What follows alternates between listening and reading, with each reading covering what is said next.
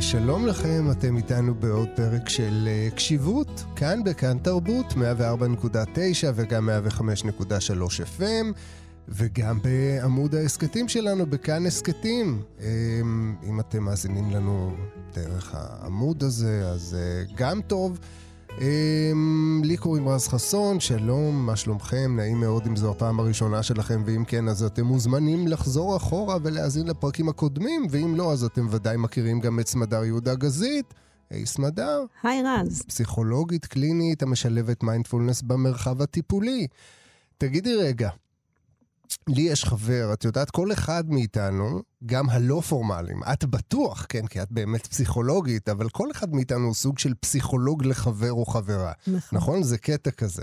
אמ, וגם אם יש לנו צרות משל עצמנו, אנחנו תמיד, את יודעת, יכולים לחלוק מחוכמתנו אה, ולהדריך אחרים. ויש לי חבר, לא חשוב שמות, ש... אני, אני לא בטוח שהוא מאזין לפודקאסט הזה, אני לא בטוח. אמ, אני מאוד אוהב אותו, ויש לו כל מיני עניינים בחייו, אוקיי? ולא משנה כמה, כמה, כמה, כמה, כמה, כמה אני מדבר איתו על זה. על הדברים באמת, לא סתם, את יודעת, בקטע, יש מין כאילו נטייה גברית להגיד, עזוב אחי, הכל שטויות, בוא תשתה עוד בירה. לא, אנחנו באמת חופרים ומפרקים ודשים באמת למוות. זה עולה בהמון זמן והמון סבל והמון מה לא. ותמיד כשיש לנו איזשהו סשן כזה ממש יסודי, מעמיק, אני אומר לעצמי, נראה לי, נראה לי שחדרנו משהו. נראה, נראה לי שמשהו הולך להשתנות. פיצחנו. כן, פיצחנו, זהו. כאילו, הוא יודע מה לעשות גם אם זה לא ישתנה מקצה אל קצה, השינוי מתחיל כאן ועכשיו. אבל אז אני מדבר איתו יום אחרי, ושיחתנו כלא הייתה. ואיפשהו אני קצת, כאילו, קצת כואב לומר, אבל איפשהו קצת ויתרתי על זה, כי חיי עמוסים ממילא, ואני כבר לא, אני, אני באמת, כאילו, לא יכול יותר, זה מין לופ אין סופי. מה שמביא אותנו אל... שהוא נמצא בו. מה שמביא. אותנו, כן. באורח פלא ממש. אל uh, נושא השיחה שלנו. נכון. אגב, גם לי, כן, זה לא שאני מספר על חברים כי אני כזה מושלם ונפלא, כן? גם לי יש את הלופים שלי, זה פשוט מקרה באמת קלאסי מהתקופה האחרונה הזאת, הלופים שאנחנו פשוט כלואים בתוכם, לא מצליחים להשתחרר מהם, למרות שהסבל ברור לנו, שהמחיר היקר שאנחנו משלמים ברור לנו, ולמרות שה... את יודעת, הרבה פעמים אתה נמצא בתוך לופ ולא רואה את מה שנמצא מעבר ללופ. אבל הרבה פעמים, או בחלק מהפעמים, אתה נמצא בלופ, מישהו מראה לך מה נמצא מעבר לגשר הזה של הלופ. זאת אומרת, אם רק תצא מהעניין הזה, תראה מה מחכה לך שם בצד השני. אתה רואה את זה, וכאילו כוחות חזקים ממך משאירים אותך בתוך הלופ. לגמרי. Uh, אני חושבת שזה נושא סופר רלוונטי. Uh, למי לא? לרצף השיחות שלנו. אני חושבת שלמיינדפולנס יש הרבה מה להגיד בנושא הזה. שהוא בעיקר פוגש את, האתגר הזה של הלופים המחשבתיים ממקום לגמרי אחר. זה לגשת אל העניין מזווית אחרת. אני אסביר בקצרה את uh, הכוונה שלי, ואז uh, נחזור לזה בהרחבה בהמשך. הגישה שאתה מתאר, שהיא, אני חושבת, רלוונטית לאופן שאנחנו גם uh, uh, מנהלים את הלופים של עצמנו, היא גישה שרואה את הלופ ואומרת, אני חייב להיחלץ מפה, אני אמצא את הפתרון. זה כמו מין מבוך, אני אבדוק את כל הדרכים ואני אסמן את הדרך החוצה. גישה מבוססת מיינדפולנס אה, ניגשת אל הסוגיה הזאת עם הרבה מאוד סבלנות, וגם עם איזושהי הבנה צנועה שאם אנשים בסך הכל אינטליגנטים, שכפי שאמרת, רואים את הסבל, חווים את הסבל, לעתים אפילו יכולים להביט בדברים מהצד ולראות שהם תקועים בתוך לופ, ועדיין הם שם, כנראה שהם לכודים.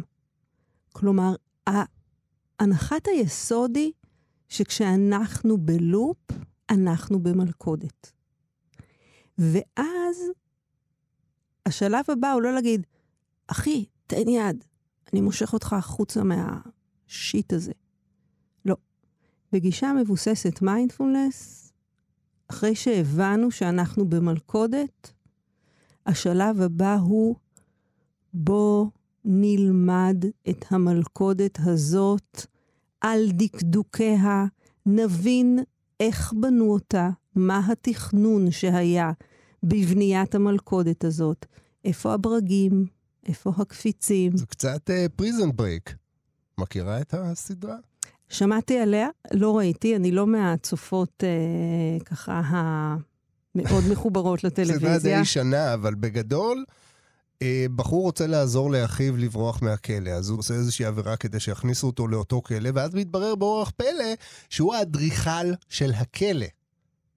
והוא יודע בדיוק איך הכלא הזה בנוי. מדהים. אז זה חלק מהעניין, כדי לדעת איך לצאת החוצה, ללמוד את הכלא, סלאש המלכודת, סלאש המנגנון הזה שמשאיר אותך כרגע בפנים.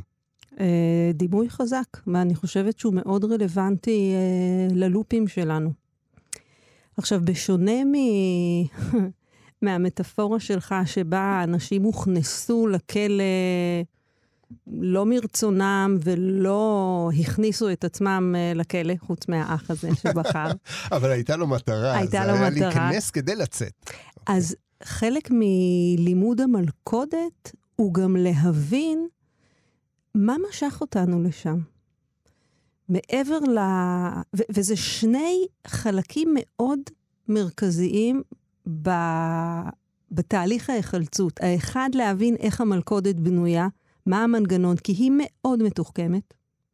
והדבר השני הוא להבין מה בכל זאת מושך אותנו אל המלכודת, מה הדבש שיש שם, מה, מהי חתיכת הגבינה הצהובה שגורמת לנו לחזור, כשבסך הכל, אתה יודע, בגיל מסוים בחיים אתה כבר מתחיל להבין שהתוכן משתנה, אבל המנגנון חוזר על עצמו.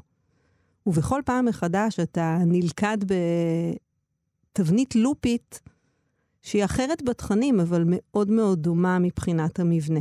אז מה בכל זאת אה, מוביל אותנו לשם? אני חושבת שהתשובה הבסיסית לשאלה הזאת, מה מוביל אותנו לשם, זה משהו ממש אה, מובן. אנחנו רוצים להימנע מסבל. ועל כן גוזרים על עצמנו סבל אינסופי. בדיוק, הגיוני? בדיוק. זה בהחלט חלק די עגום מההתנהלות הפסיכולוגית שלנו בעולם. ותרגול מיינדפולנס ממש מכוון לשם, לנסות להביא אותנו קרוב ככל האפשר להתמודדות רק עם הסבל ההכרחי, ולחסוך מאיתנו את כל הסבל הנוסף שהוא מעשה ידינו להתפאר. זה כמו תוספי תזונה, תוספי סבל, דברים שאנחנו אוספים מהמדף של התוספים, והם מוסיפים ליום-יום שלנו, מה יש? בהחלט. בואו נוסיף עוד קצת. אנחנו דיברנו בהקשר של התמודדות עם אובדן, על אותה נטייה מובנת של לא לרצות לפגוש חלקים כואבים בחיים, וכשהיא מובילה אותנו בעצם לחמוק, להכחיש, אה, להימנע, כשאנחנו דבקים מספיק זמן בנתיב הזה, כדי להיחלץ מהסבל של מפגש עם אובדן וכאב, אנחנו מזמנים לעצמנו סבל הרבה יותר גדול. אותו הדבר כאן. במידה רבה, רוב הלופים שלנו קשורים לחוסר הנכונות שלנו לפגוש את החסר שישנו, את הסדק, לפגוש את חוסר המושלמות של הדברים, לפגוש את העובדה המצערת שאנחנו לא שולטים בכל פרטי חיינו וגורלנו. את העובדה הלא נעימה שהמון דברים לא ידועים לנו עדיין לגבי העתיד. ועוד עובדה מאוד מטרידה, שאנחנו לא יכולים לייצר לעצמנו עבר אחר. וואו, זה אחד קשוח. אי אפשר לשנות את העבר. ואני בכוונה מדגישה אותו, כי זה בסיס אינסופי ללופים. אתה מכיר את הלופים האלה? למה לא עשיתי ככה? למה לא אמרתי לו ככה? למה זה? ואיך זה היה אם הייתי אומר? זו ואיך... התשתית של אה, חיינו. מה היה קורה אם היה לנו כפתור save אה, בכל מיני נקודות בחיינו? היינו יכולים לעשות נקודת שמירה קטנה, להתפתח בכיוון מסוים, ואם לא מסתדר לנו, לחזור לנקודת השמירה ולהתחיל אפיק אחר. ואז למצות את כל ה... זה קצת, uh, לא יודע, אולי תורת המיתרים כזה, כן? יש כמה... יקומים מקבילים ויש כמה סינריוז, ולנו אין את זה כאמור, אז אה, כל מה שנותר לנו ברגע שמשהו משתבש זה להגיד, אם לא הייתי עושה ככה והייתי עושה ככה, ודאי מצבי היה טוב יותר, ולא הייתי במצב שאני נמצא בו כרגע. עכשיו, אתה יודע, להגיד את זה פעם אחת, נפרגן לך פעמיים. מפרגנת לך. בלתי נמנע, יאללה. אוקיי. וגם יש מי שיגיד, בסיס הכרחי ללמידה. נכון? אנחנו... מפיק לקחים, ב... עשית ככה, קיבלת תוצאה מסוימת, לא רצויה לך, פעל אחרת לאבא. לחלוטין. אם אה, חולדות אה, יכולות לעשות את זה, ויצורים עוד הרבה פחות אה, מתוחכמים מאיתנו, אז למה שאנחנו לא נלמד? אבל אם זה פעם או פעמיים, זה לא נכנס לקטגוריה של לופ. הבעיה מתחילה כשמשהו שם נתפס ואנחנו לא מצליחים להרפות. כשיש שריטה בתקליט וכל פעם הנגינה קופצת לאותו פזמון שוב ושוב. בדרך כלל לאיזשהו חלק של שורה, אפילו אפשר ליהנות מאיזה פזמון טוב, אלא לחלק מסוים שאנחנו כמו מספרים כל פעם מחדש, כמעט מאמינים שהפעם נגיע לסוף אחר. הפעם אפשר יהיה לעשות את זה טיפה אחרת. נופלים על האף, מגיעים אל אותו סוף שכבר היה, אי אפשר לתקן, או נשארים עם סימן שאלה כי אין מענה, נשארים עם דברים לא פתורים. נורא קשה לנו. אנחנו אוהבים את הכל פתור, סדור וגמור. המון לופים הם סביב הדברים של אם אז, אם אז, אם אז, אבל אנחנו עדיין במקום שעוד לא התחילה הדרך, עוד לא יצאנו לדרך, אנחנו לא יודעים. ושוב, פעם, פעמיים לחשוב כדי לתכנן, כדי להתארגן לקראת, זה מצוין. אבל כשסוג מסוים של מחשבה קונה לו איזו אחיזה, ויש לו חיים משל עצמו, הוא הופך להיות למעשה תעתוע שאנחנו קונים, אנחנו נופלים בפח של עצמנו. וכאן למעשה אני מדברת כבר על הנמשל של אותה מלכודת שהמשלתי. המלכודת היא כזו שאומרת, בואי, יש פה גבינה צהובה שאומרת, את תדעי מה יהיה, או את תשני את מה שהיה, או... הפעם זה יהיה אחרת. בדיוק. ואני כל כך מתפתה, כי אני נורא רעבה, למשל. אבל... את רעבה, את רעבה ל... אה, לוודאות הזו. בדיוק. את, את רוצה פשוט להימנע מכל מה שחווית עד היום, ושסוף סוף את אוכלי את הגבינה הזאת והכל יסתדר, מה הבעיה? למה זה כל כך קשה? למה? אבל אני כבר 80, 800, 8,000 פעם ניסיתי להגיע לגבינה, גיליתי קודם כל כמובן שהיא מפלסטיק, נכון? ודאי, מי משאיר גבינה ככה בחום כזה. ודבר שני גיליתי, ששוב אני לכודה. אין לי שום דרגות חופש, אני כבר לא יכולה לנוע בעולם. כמובן המטאפורי והקונקרטי, כי אני כל כך, כל כך תפוסה בתוך איזשהו לופ של מחשבה, שמה הוא מנסה? לחלץ אותי ממה שאי אפשר להיחלץ ממנו. כשאני מבינה שככה זה עובד, אני מגיעה למסקנה שכבר בעצם שמנו אותה במילים יותר מפעם אחת. אני מגיעה למסקנה שיש חלקים לא נעימים בעולם שאי אפשר לחמוק מהם. יש תחושות לא נעימות. הרבה מהן קשורות לחוסר הוודאות, לחוסר השליטה, לעובדה שאנחנו רוצים משהו, אבל לא מקבלים אותו, לעובדה שאנחנו נורא לא רוצים משהו, אבל דווקא הוא נופל עלינו. וככל שאנחנו מיטיבים להכיל את העובדות הלא נעימות האלה, כך למעשה אותו רעב שמביא אותי אל המלכודת פחות מנהל אותי. אני יכולה לזהות לא נעים. אני יכולה לזהות חוסר ודאות. ולהישאר בנקודה הזאת בלי לצאת אל המסע האבוד מראש, שמנסה להביא אותי לוודאות שלא קיימת, או מנסה להביא אותי לשליטה שלא קיימת. ובמובן הזה, תרגול מיינדפולנס בכלל לא מנסה, כמו שאתה ישבת עם אותו חבר, לחלץ אותו מן המלכודת בנתיבי המלכודת. הוא מנסה לחלץ אותו מעצם ההגעה אל המצב הלכוד. איך? תלמד לשבת בשקט עם הרעב הקל הזה שלך. וככל שתתאמן בזה יותר, אתה תראה שהוא חולף. ושבאמת לא תצטרך לחכות המון, אבל יגיע גם משהו מזין, שגם ירגיע את הרעב שלך. אתה תפנים יותר ויותר. מה שנראה כמו גבינה צהובה מבטיחה הוא אילוזיה, אשליה וגם מלכודת. זה באמת אה, אחד פלוס שניים, כאילו אתה סובל סבל אחד, ואם תגיע למלכודת תקבל עוד שתי מנות של סבל. אז אם אני מבין נכון, בעצם המפתח הוא לפתח עמידות מול הגבינה. חד משמעית, בינגו. בול בפוני. לפתח, אני אפילו לא הייתי אומרת עמידות, אלא אה, טולרנטיות. סובלנות לחוויה הלא נעימה. זה שונה מעמידות, כי אתה, עמידות זה, זה, זה כאילו זה לא עושה לי כלום, או אני לא, אני לא יודעת, אני לא סובל מזה, אני לא... תסבול קצת.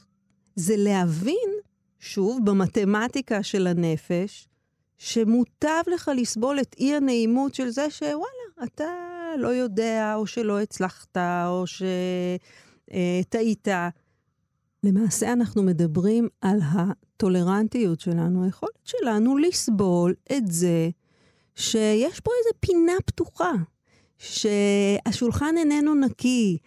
יש המון דימויים, נכון? ש, שיש סדק, יש סדק פה בקיר, בחומה.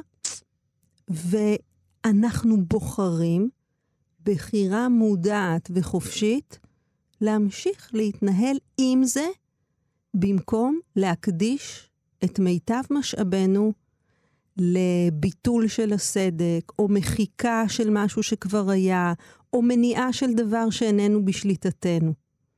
ואז, כשאתה כחבר רוצה לסייע, הנתיב הוא לא שוב ללכת בתוך פרטי הפרטים, אלא שתוכל אתה לעשות את הזום אאוט ולהגיד לאותו חבר, אחי, אתה צריך בעצם פה להסכים להיות עם איזושהי תחושה לא נעימה. תשב עם זה רגע. וכל פעם שהמחשבה הזאת מתחילה שוב, תזכיר לעצמך, אתה בדרך למלכודת. שוב תתיישב. תחזור לסקוויר 1. כי אם אתה מתקדם פה, אתה הולך אחורה.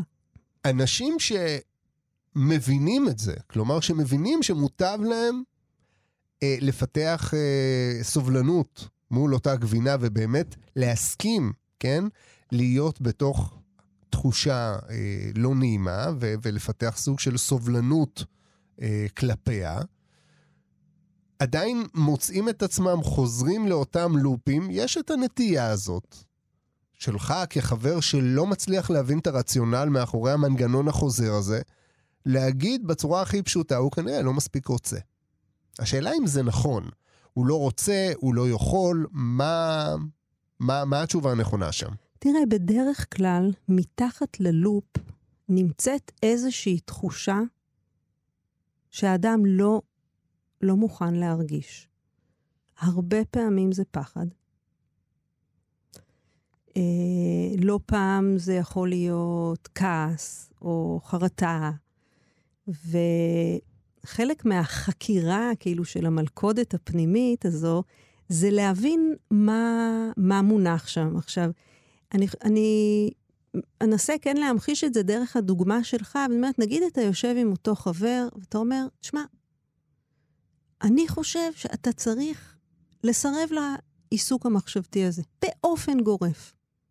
עזוב, לך תחיה את החיים. ובדרך כלל מה שיצוץ זה ה"אבל". אבל מה אם? אבל מה אם אני מפספס? אבל מה אם אני לא יודע? אבל מה אם אני טועה? אבל... זהו, אני לא מתאמץ מספיק, אני לא נמצא בתוך זה מספיק זמן, כי זה ישתנה. זה משהו שהוא תלוי התמדה, נניח. ואני חושבת שההבנה שלנו, שברגע שמחשבה הופכת ללופית, היא מהווה קרקע עקרה, לא יצמח שם כלום. צריך להניח לה, ומתוך איזושהי, מאיזושהי אמונה, או יותר נכון, מתוך אמון, שהדברים מתפתחים. לא רק כי אני על זה ואני חושב על זה איקס שעות ביום ומדבר על זה עם שלושה חברים חמש פעמים בשבוע. לא, יש תהליכים שמתרחשים בתוכנו, שמובילים אותנו לאיזה שהן הבנות, מחשבות לופיות הם לא אחד מהתהליכים האלה. וההסכמה העמוקה לוותר על חשיבה לופית, לסמן אותה כפסולת מנטלית, היא הצעד הראשון. אתה מבין שזה זבל. לא צומח מזה כלום, אולי נשלח את זה לקומפוסט, זה יהפוך להיות משהו. אבל זה צריך לעבור תהליך התיישנות והבשלה שאנחנו לא יכולים לעשות בפנים. ואז בעצם נוצר פה אתגר שהוא כמעט התנהגותי. אני מניח למחשבה הזאת. כי מה שקורה, כמו שדיברנו בעבר, שתרגול של מיינדפולנס, הוא מפגיש אותנו בראש ובראשונה עם ההרגלים המנטליים שלנו. עם הדפוסים הכי אוטומטיים, שמתרחשים גם בלי שנבחר, בלי שננהל אותם. לופים מחשבתיים הם דוגמה אכזרית במיוחד, ומענה במיוחד, לאותם נתיבים הרגליים, שחוץ מזה שבכל פעם שאתה סובב את הלופ, אתה סובל, אתה גם, כמו לקופת חיסכון, הכנסת עוד מטבע ועוד מטבע. כי המוח בסופו של דבר עובד על חיזוק מצטבר, what you practice get stronger. ולך תסביר לתודעה שלך, אחרי שהיא עשתה את הלופ הזה עשרת אלפים פעמים, שיש נתיב אחר. נו, בחייך. הכי טבעי זה ללכת שוב באותו נתיב, זה כמו איזה תלם שכבר נחרש, הגיע כמעט עד ליבת כדור הארץ. כאן נדרשים ממש כוחות, וכאן האימון המנטלי, אימון התודעה שהמיינדפולנס מציע, הוא מאוד לעזר. הוא מלמד אותנו לקטוע סיפורים באמצע. למרות שאתה יודע, אומרת, רגע, רגע, אני רק רוצה להשלים את הסיפור ולראות איך זה נגמר, או להיות עם הפנטזיה הזאת, או להיזכר. לא. לא. לא. תניח את זה כאן ועכשיו מיד. תחתוך. והאימון הזה בלחתוך מחשבה, לחתוך סיפור, לחתוך לופ, בנאלי ככל שהוא יהיה, בתוך התרגול היומיומי, הוא בונה את התשתית בהמשך להיחלצות מלופים. שבה בעצם אתה נותן לאותו רכיב בתודעה, שהוא מטה-קוגניטיבי, אפרופו שיחות קודמות שלנו, כן. שמתבונן מבחוץ ואומר, היי, אחי, זה בעצם עקר לחלוטין. מה, מהנתיב הזה אתה רוצה להיחלץ. ואתה נותן איזושהי סמכות לרכיב המתבונן הזה ואומר, אני מוותר. בהתחלה זה יכול להרגיש כאילו אתה מוותר על דבר מופלא. מה, עכשיו אני מוותר על זה? עכשיו? על הגבינה מה? הזאתי? על מה? זה פה, זה ממש כאן. ופה אולי נכון יותר להשתמש גם במילה שלך עמידות, אבל אני מתכוונת במובן של לעמוד בפיתוי. Mm-hmm. פה לגמרי רלוונטי לצטט את חז"ל שאמרו, איזהו גיבור. הכובש את יצרו. והיצר הזה בהחלט יכול להתקיים גם בתודעה שלנו. לתודעה שלנו יש כמו יצרים משל עצמה. וברמה של היצר, היא חוזרת על ההרגלי והאוטומטי, והיא פתיה גדולה מאוד. כל, לא משנה כמה פעמים היא הבינה שהגבינה שמה מפלסטיק, ואין באמת פתרון, היא תראה את זה. אולי הפעם בדיוק. היא לא מפלסטיק. אולי, אולי, אולי. ואנחנו צריכים בהקשר הזה את האומץ להעיז ולא ללכת אל תוך המלכודת. להישאר מבחוץ, ובכך להתחיל לסלול נתיב חדש. חלופי. נתיב חלופי, שבו אני פוגשת את מה שנמצא מתחת. אני רוצה לפני שנסיים, ככה לצטט ציטוט נפלא נפלא של אה, רבי נחמן, שוב רבי נחמן. אוקיי. שאומר כך, כאשר האדם מפסיק לפחד מן הפחד ומתבונן בו, אזי הפחד מתפרק למרכיביו ומלמד את האדם את השיעורים היקרים של חייו.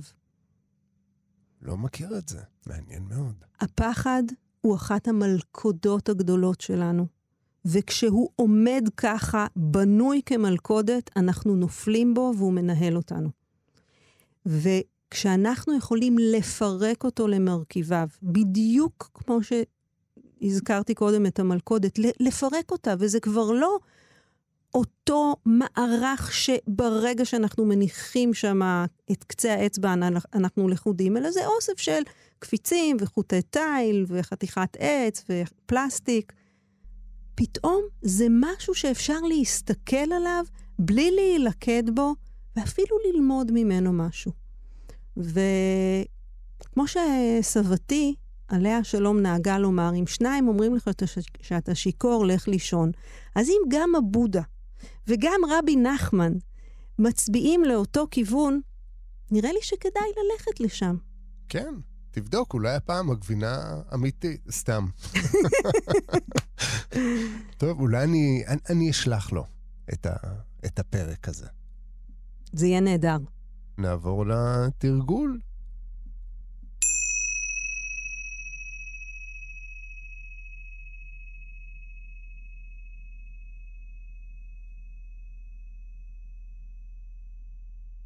ניקח לנו נשימה עמוקה. נתחיל לכנס את תשומת הלב פנימה אל הגוף, אל הנשימה.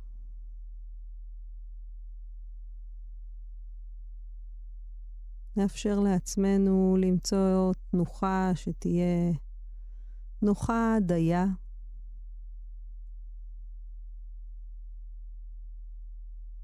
נאפשר לעיניים להעצם, או למי שנוח יותר, יכול לאפשר לעיניים להתייצב על נקודה כלשהי, מבלי להתמקד.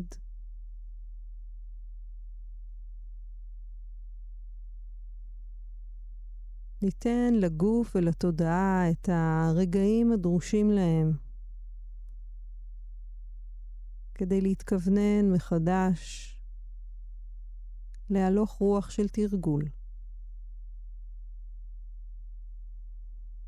הכוונה שלנו היא להיות ערים ככל האפשר למתרחש בתודעה ובגוף. להבחין כשתשומת הלב שלנו מתחילה להסתובב במעגלים, או לטעות במרחבים של אסוציאציות, זיכרונות, סרטים שאנחנו יוצרים. כל אלה הם צפויים וטבעיים בהתנהלות של התודעה שלנו. אנחנו לא מנסים לעצור אותם מלהתרחש, אנחנו רוצים לזהות כשהם מתרחשים, ואז ללוות את עצמנו חזרה אל הנשימה.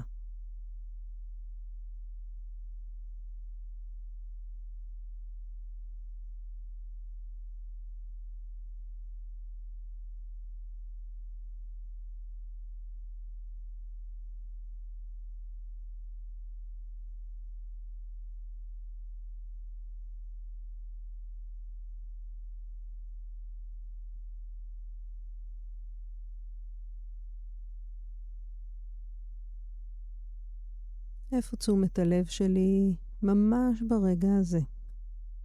אולי זיהיתי שאני עמוק בסיפור או תסריט.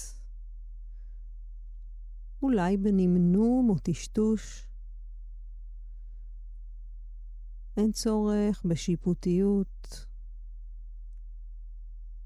נרפה גם מחוויה של אכזבה או פספוס אם ישנן, ובאופן ענייני נסמן לעצמנו, הנה נדידה אל החשיבה, והנה חזרה אל הרגע הזה, כפי שהוא בנשימה ובגוף.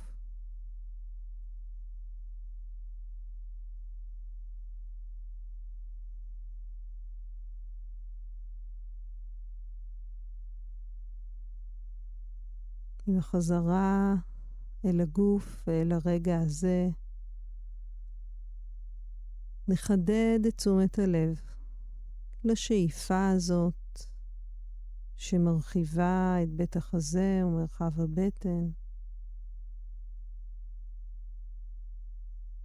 ולנשיפה שמאפשרת לנו להרפות, להניח,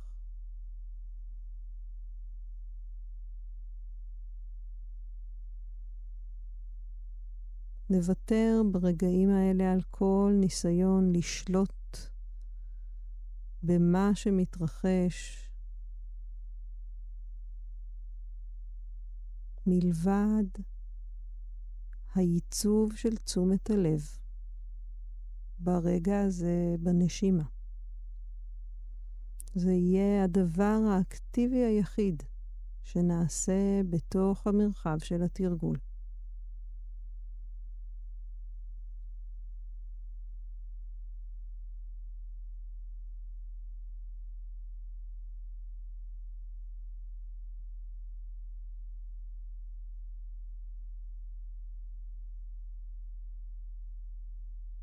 לפעמים נפגוש רגש לא כל כך נוח, תחושת גוף לא נעימה, וגם הם עשויים לחולל מעגלים של חשיבה. ובכל זאת ננסה להישאר עם אותה תחושה, נעימה או לא נעימה. נוכל אפילו לזהות ולתייג לעצמנו, הנה תחושה לא נעימה. פשוט נסכים להיות איתה, להתבונן בה.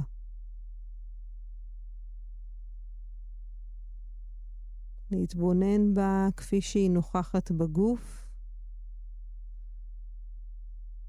ולהניח לשלל החשיבה, הדיבור והניתוח. נשאר עם איך שזה עכשיו.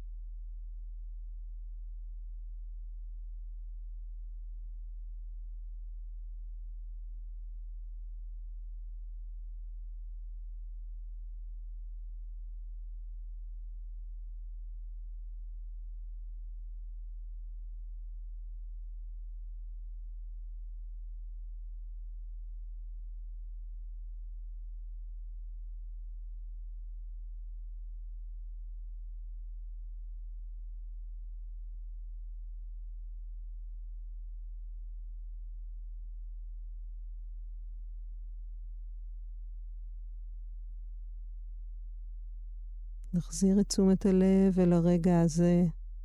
נרפה ממה שאפשר להרפות בגוף וממחשבות שאין בהן צורך כעת. כוונתנו היא לעגון ברגע הזה, לחוות את הנשימה באופן מלא ככל האפשר.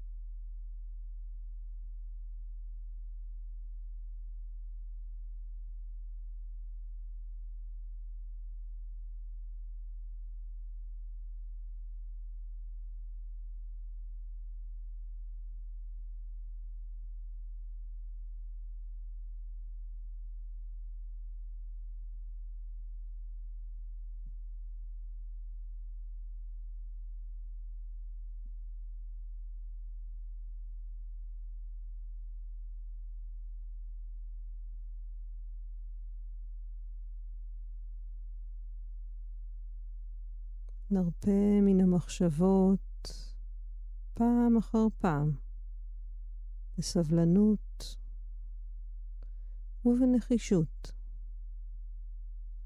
נתמסר מחדש לגלים של הנשימה.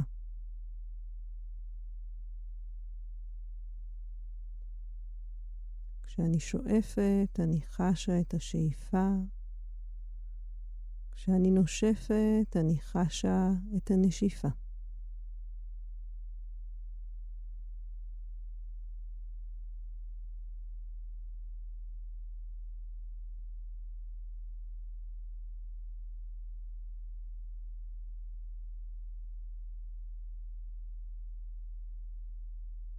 נזכיר לעצמנו את האפשרות להרפות מן הניתוחים, מהמילים, ולשהות עם התחושות כפשוטן.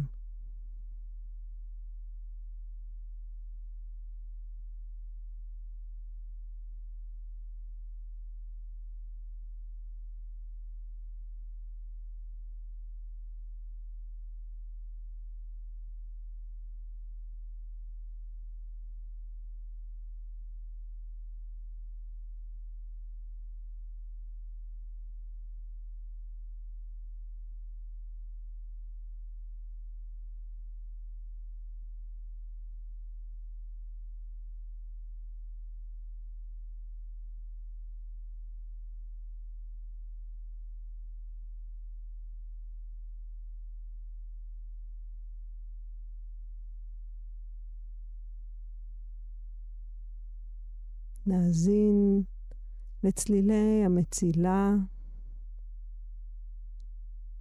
נאזין לצלילי המצילות. נאפשר לעצמנו בהדרגה לפקוח את העיניים. ואולי גם לשמר משהו מאותה איכות נינוחה יותר, ערה יותר. בטרם נשאב חזרה אל שלל המשימות והמטלות.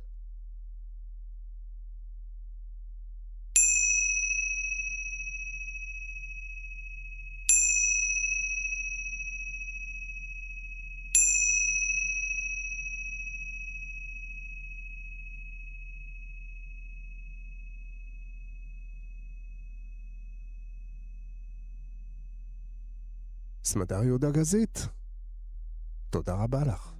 תודה לך, רז. נשתמע כאן במפגש הבא. אכן כן.